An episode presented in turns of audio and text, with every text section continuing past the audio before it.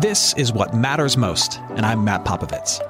Look, life is crazier than ever, and lots of people, maybe even you, are feeling anxious and overwhelmed. Today's message is designed to help you figure out what's most important and to experience the peace and joy that God intends for you. Because life is a gift, and it shouldn't be wasted on worry. I'd like to give you a resource, something to help you navigate the road ahead. Just go to mattpopovits.com, click on the icon, and we'll send it to you. That's Matt, P-O-P-O-V-I-T-S dot com. And hey, if you happen to live in the Houston area, I'd love to see you on a Sunday morning at St. Mark in Spring Branch. Head to stmarkhouston.org to plan your visit. Here's today's message. Thanks for listening. Today, we're starting a new series that is called Trading Up. And we're not talking about trading hairpins for houses, or as someone nervously texted me yesterday, are we talking about spouses? Like, no, we are most definitely not talking about spouses. We're talking about a series of trades that you could say Jesus invites his followers to make each and every day. Jesus famously said in the Gospel of John, I have come so that you may have life and have life to the full. Uh, the implication is this that there is a manner of living, a way of being that Jesus says is fuller and greater and better than what is offered by our broken world or what is instinctively desired by our broken, sinful human hearts. It's a life of, of greater purpose and deeper joy. It's a life of peace and so much more. But, but this life, it, it doesn't just happen on its own. You could say that it, it involves a trade each and every day. Each and every day that you get up, if you're a follower of Jesus, the world hands you a whole bunch of crummy stuff. And your own broken heart assumes a whole lot of terrible things. And you have the opportunity to take what is in your heart and in your hands each and every day and say, Lord Jesus, I know that you have guaranteed this for me or promised that for me. If I give you this small thing, could you give me this better thing? You've promised peace. Can I have some peace? I'll give you some of my anxiety for peace. You've promised hope, that I have hope in you. I'll give you some of my anger for your hope. Will you take the bobby pin of my frustrations and give me a house of hope to live in? Can I trade up to that? Each and every day, you have the opportunity to take what the world hands you and what your heart instinctively desires and say, Jesus, are you willing to make a terrible trade with me? To allow me to hand you this meager thing that I have, and you give me the thing that you've won and you've earned and you've promised me. That's what we're going to talk about today. And we're going to start here. We're going to start talking about trading pessimism for positivity. Or rather than positivity, you could say hopefulness. Trading pessimism for positivity or hopefulness that it is given to us and guaranteed for us in Jesus. Pessimism, its close cousin, cynicism, seems to be almost celebrated in today's day and age. It's hard not to be that kind of person in this particular moment that human beings find themselves living in, is it? Which, which makes sense when, when you think about the moment that we live in. It's a byproduct of living in a world that is wrestling with some awful things, like, like the hyper partisanship that we see in our politics. How can you not be cynical when you see that? Or the back and forth about climate change and who's responsible for it and how we're going to fix it if you believe in it, like all of that, like all of that. It's, a, it's, hard not to be negative with that going on, or an ongoing pandemic, or massive inflation, or a world fighting over issues of equality. These are not small things. It's understandable if, if you look at the scope of what we're wrestling with as human beings, you go, wow, this glass might not be half empty, it might be full of awful things. The world is overflowing with bad. And it's been that way for a long time. But here's the thing we need to be aware of regardless of what the world is filled with, pessimism and cynicism are a different thing. And for, for people of faith, pessimism, cynicism, that, that kind of constant negativity, it, it is like a poison pill the negativity that you allow yourself to swallow, that you insist on holding in your hands, what it does is it eventually corrupts your vision. And then it fills your heart and it starts to shape everything you see and how you live. If you, if you swallow the pill of pessimism, if you're not careful, you start to wear it. You start to carry it. All the time you feel it. And when people look at you, they see it. Here's the good news for followers of Jesus Jesus has something greater for you than the cynicism that this world wants us to echo back. Jesus has something greater for you than the negativity that this world, albeit terribly broken, wants us to echo back. The invitation of Jesus is that you would take that pessimism, that negativity that so easily sits in your hands and in your heart, that you would take it and you would trade it for, for positivity, hopefulness, and joy that He has earned for you.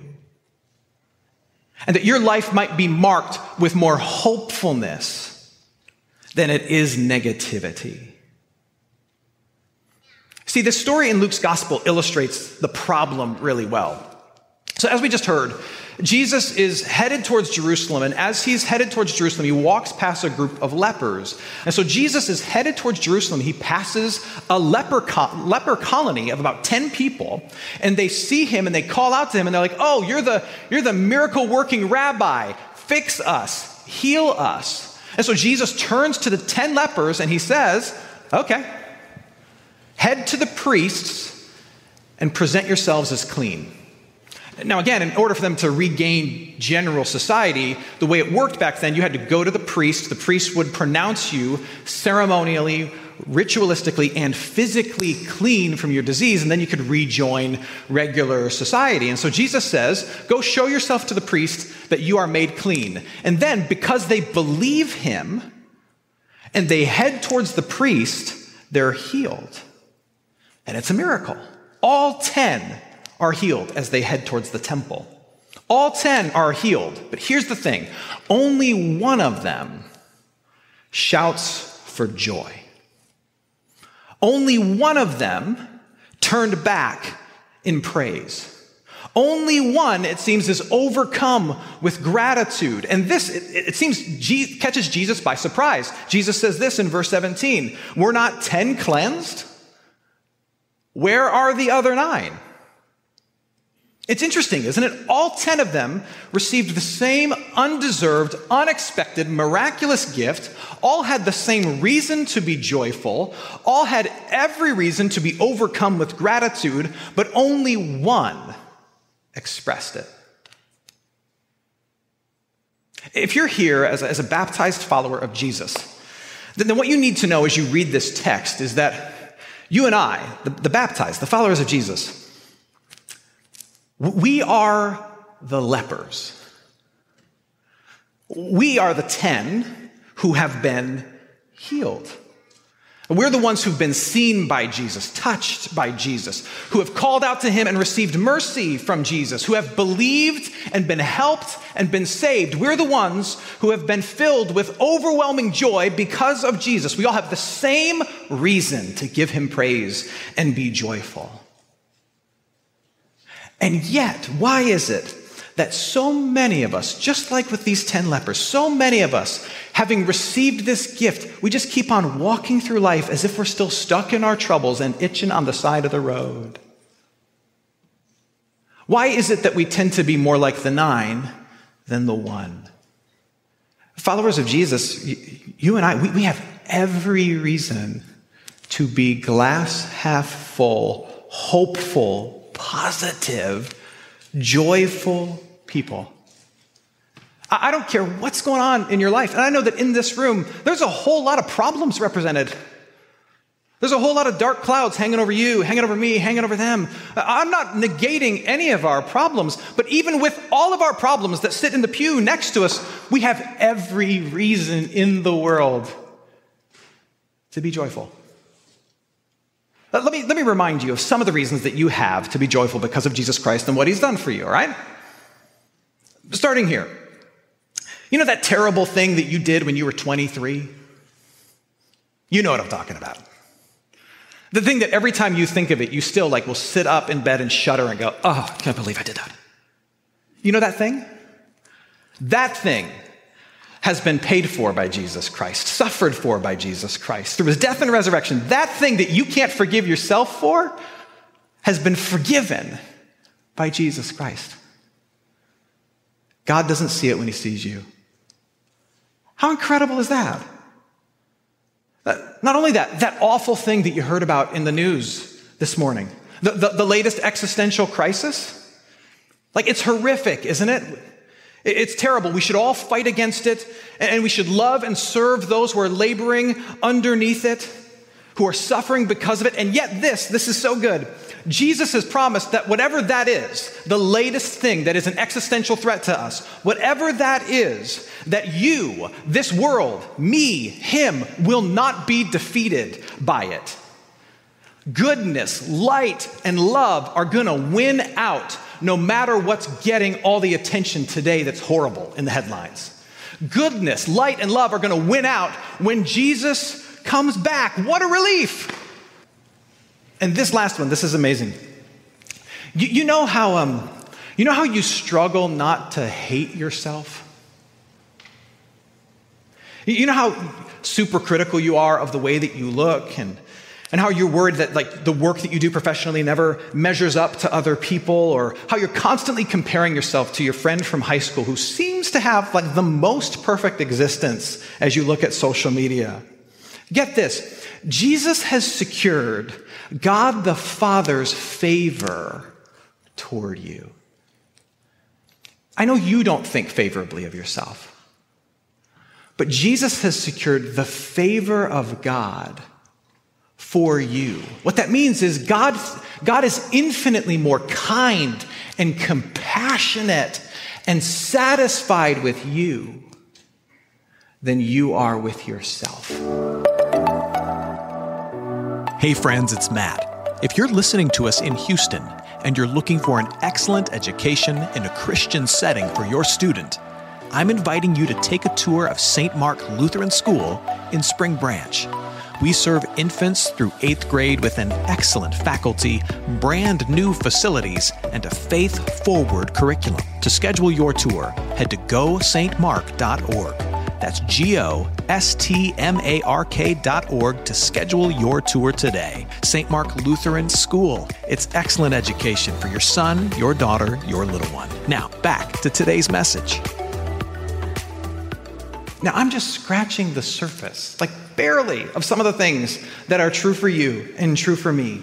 And these truths are meant to lay a foundation of joy. They're meant to spark just a little bit of hopefulness and peace and positivity in you and then, and then shape how you see and how you engage the world. I mean, think of all the things in a terrible world that are wonderfully, gloriously true for you. Like, no matter who you are, everything I just said, and then a million things more are all yours. And it's done, it's complete, it's in your pocket, it's yours. Think of how incredible that is. It's all yours. Now, now the question is this. So then, well, how do I make that trade? If all that's true for me, then, then how do I, on a daily basis, take the, the pessimism, the negativity, the cynicism that the world is just asking me to join the chorus of, and how do I, how do I hand it to Jesus and then receive some of this joy that, that you say should be mine? What does that look like? Well, again, I think the text for today is instructive. We see a joyful, positive, healed leper. Let's look at him and what he does, and maybe it's instructive for us. So, what's the first thing we see the leper do? He's healed, and then in verse 15 it says, Then one of them, when he saw that he was healed, he turned back toward Jesus. He saw that he was healed and he turned back toward Jesus. You might think I'm making something out of nothing here, but I think this is something. I think, among other things that we can do, I think we begin to trade up to positivity and hopefulness that is ours in Jesus Christ when we actually turn back toward Him and we fix our eyes on Him. There's a word we like to use in the Christian faith it's discipleship. And it's just a fancy word for being formed by information and repetition. Information you take in and repetition you engage in forms you. It's not a matter of if, but what and how. All of it forms you. You're being discipled each and every day by that which you consume, by that which you fix your eyes on. And, and if you're trying to trade up to positivity and hopefulness that is ours in Jesus Christ, yet there is no fixing your eyes on Him, consuming the promises that He gives to you, the work that He's done for you, repetitiously going to the person and work of Jesus Christ, then that's not forming you. What's forming you is your news feed. What's forming you is Fox News or MSNBC. What's forming you is your For You page on TikTok. It's not just info, it is discipleship. And here's the thing what you take in takes root every single time. What you take in takes root, and what takes root bears fruit. And what is the fruit in your hands is what you have to live with. And if all you consume is the stuff of this world, it takes root, it bears fruit, and I guarantee you the bulk of it is not hopefulness, joy, unshakable peace. You know what it is? It's anxiety. That's the fruit of cultural discipleship. If you want to hold to the peace that Jesus gives, make one of your turns toward Him, His Word, His promises, His gifts, His goodness. Uh, when you think about God, when you reflect on Christ, what do you see? What comes to mind? What do you feel? We, we trade up for positivity when we're able to perceive the love and the power and the goodness of Jesus. But What did the leper see when he turned back towards Jesus? What did he see? Verses 15 through 16. When he saw that he was healed, he turned back praising God with a loud voice, and he fell on his face at Jesus' feet. You know what he saw when he looked at Jesus? He saw the giver of the best gift that he'd ever received, and he saw someone who was worthy of praise and who could be trusted with his tears. Now, now here's why this is really, really fascinating because the Samaritan had every reason, even after being healed, to be skeptical and cynical towards Jesus. Super quick overview of the history. The reason Luke points out that he's a Samaritan is because the Samaritans were hated by the Jewish people. Uh, they were considered heretics and, and, and, and bad people and outsiders, and they were treated very poorly. They were, they were, they were on the receiving end of, of hateful, if not outright racist attacks from the Jewish people who themselves felt like they were being attacked. And you know, everybody loves a dog to kick, and the Samaritans were kicked by the Jews. He had every right to flinch at the grace of Jesus. And yet, what does he do? For whatever reason, he sets that baggage aside, and all he sees is Jesus who loves him, who saw him, who's chosen him, and who's healed him. That's what he sees. That's what he sees. If you really struggle with negativity, and I know some of us here do, if you really struggle with negativity, what I would say to you is be mindful of this. I think your core issue behind the pessimism and the cynicism, the core issue is fear. Fear of being hurt, fear of not being enough to meet the challenge of, of what might come at you in this world, fear of being let down, Often it is fear. And here's what you need to know when you look at Jesus. Don't, don't let that baggage get in the way of how you see him. When you look at Jesus, here's who you need to see. What you need to see is a God who is good, and he's powerful, and he's trustworthy. I know you got other stuff that you can peer through to see him. Whatever you do to push that aside, do it.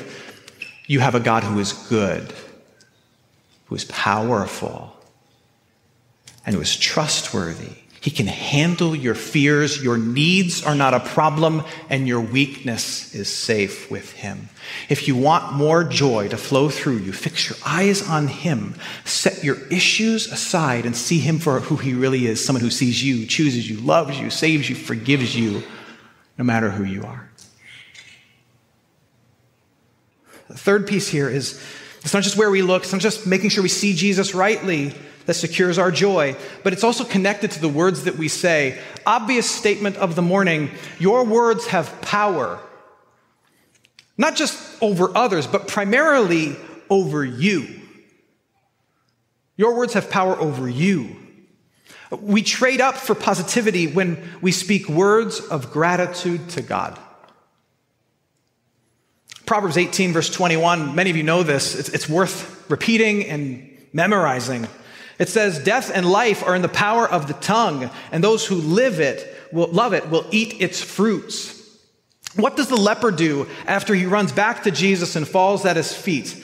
It says this in verse 16 He fell on his face at Jesus' feet, giving Jesus thanks. Now he was a Samaritan. You know, this is the only time in the New Testament, the only time in all 27 books of the New Testament where anyone personally thanks Jesus. A lot of people say thank you in general to God. A lot of people say, Thank you, Lord, thank you, God. But this is the only instance in all 27 books of the New Testament where Jesus is thanked. It says he praised God and he thanked Jesus. He thanked him. Now, again, consider the baggage that he carries by being a Samaritan. He sets cynicism and skepticism aside and he just says, I've been healed. You did it. Thank you. How, how different do you think your experience of life would be, your sense of your own life would be, if, as an expression of your faith in Jesus, you were quick and constant in speaking words of gratitude to Jesus? Do you think if you, like audibly, actually, on a regular basis, you went through your day and in response to big things or small things, you, you actually were like, you paused, you stopped, you're like, thank you, Jesus, for that? Like, if you were more constant in that, do you think it would change things? Do you believe that life and death is in the power of the tongue? Not just life and death or others, but your own life and livelihood and joy is in the power of the tongue. That if you recognize that you're blessed, it comes from Him, and you've got the good stuff in your hands, that if you vocalize, you say that, that will change your life a little bit? I think it will. I think it so much that we're going to practice it, okay? I made up some things. And after everything I say, I'm going to point to you and you're going to say, Thank you, Jesus. Let's practice it. You guys are very good at taking directions. Thank you, Jesus. All right? Let's say you've been battling cancer. Your five year scan comes back cancer free. Let's say you struggle at work with not, um, not hurting your coworker. You have a day at work where you didn't scream at your colleague. You have kids like my son who like to get up at 5:30, but there's a, a Saturday morning where they slept in past 7. Or maybe you're struggling with addiction and there's two months, two solid months without a drink. It has power, doesn't it? Words have power. This is trite, but it's true. If you want to change your view of the world, change the verbs that you use. Watch what happens. If you want to change your view, change your verbs. If you want to see and feel the gift of life, give thanks audibly with your voice to the one who gave your life and saved your life. You see, that's the beauty of trading up. When you experience the power of something small going to something better, you want to share that with somebody else. And it becomes not just about what you've received, it becomes about how you can impact and change the world. It becomes about what you can leave behind. Do you want to leave behind joy? Do you want to have kids in your house and people in your life who, because of your willingness to trade up, they're able to say, Well, I used to know this person or that person or that person, or my mom taught me this, that it's dark. But the darkness is going to lift so we're going to be good. May you trade the pessimism of this world for the hopefulness that's found in Jesus. May you look to him and may you really see him and how much he loves you, and may you give thanks to him. For you are loved by him. Amen. Let's pray. Hey, it's Matt. I hope you enjoyed what matters most. Here's what I need you to know life is a gift, and it shouldn't be wasted on worry. I want to help you figure out what's most important and to experience the peace and joy that God intends for you. So, for more content, you can head to mattpopovits.com. That's Matt, P O P O V I T S.com. There, you can also support this ministry as well as access your free resource, a little something to help you navigate the road ahead. I'd also love to see you on a Sunday morning. If you're in the Houston area, head to stmarkhouston.org to plan your visit. In the meantime, hit me up on Instagram at mpopovits or at facebook.com slash Ministries. Thanks for listening. Now go and hold tight to what matters most.